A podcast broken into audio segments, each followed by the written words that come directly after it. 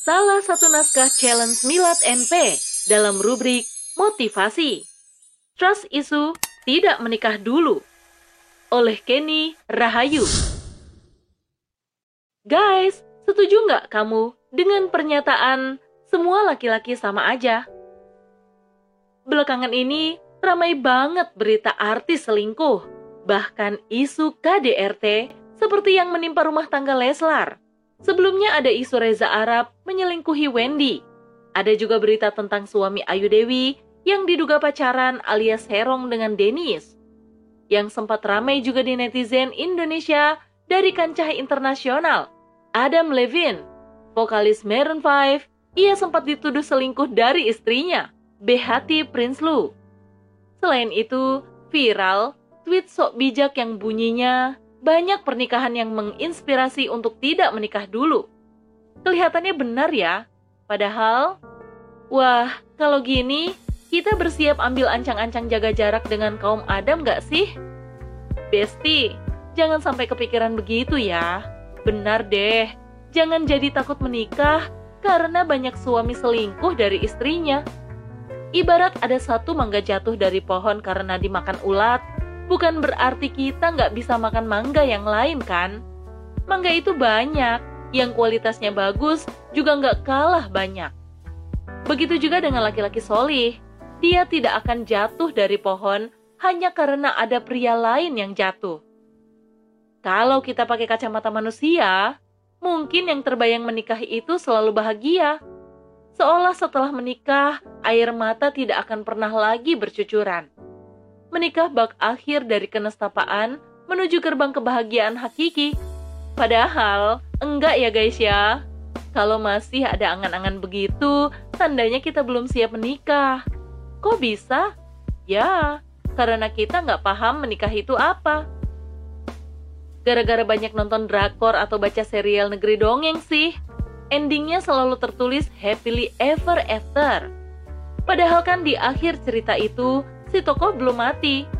Konsep happy bagi muslim itu kalau kembali ke Allah atau meninggal dunia dalam kondisi murni dan layak masuk surga. Karena ia telah mengantongi ridhonya. Wah, kamu pakai konsep bahagia yang mana nih? Ala drama seri atau ala nabi? Menikah bukan untuk menjadi tokoh couple di drama Korea.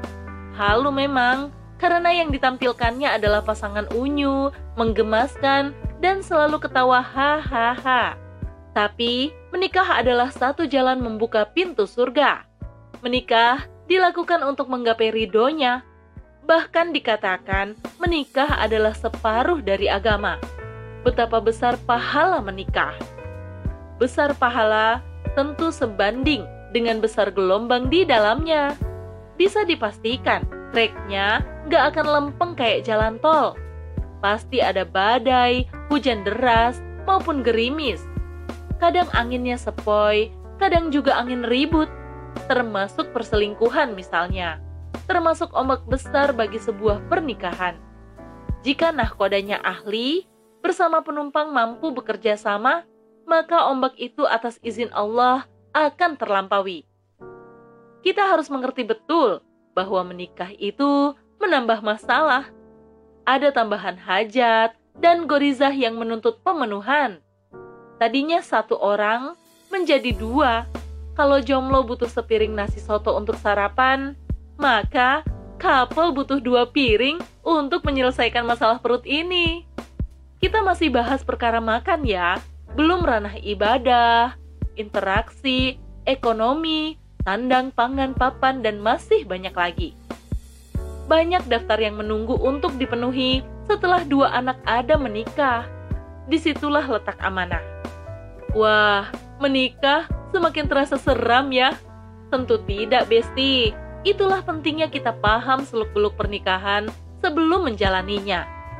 Agar ilmu mengiringi langkah bukan sebatas ekspektasi. Selain itu, kita juga harus paham mengapa kita harus menikah Allah memberi manusia naluri berkasih sayang dan mewadahinya dalam bingkai rumah tangga.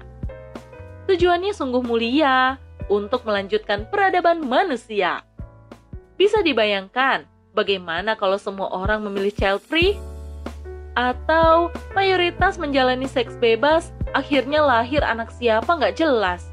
Nah, ini baru seram yang sesungguhnya. Yang perlu ada dalam dada kita, bahwa ketika kita menjalani apa yang telah Allah gariskan, maka yakinlah kita tidak akan pernah sendiri. Allah pasti selalu membersamai langkah kita, ke mana pun kita pergi, selama berada dalam rel syara. Allah pasti menjaga. Yakinlah, jangan lupa, ada ridho yang kita nanti dan upayakan selama menjalani pernikahan yang naik turun gelombangnya.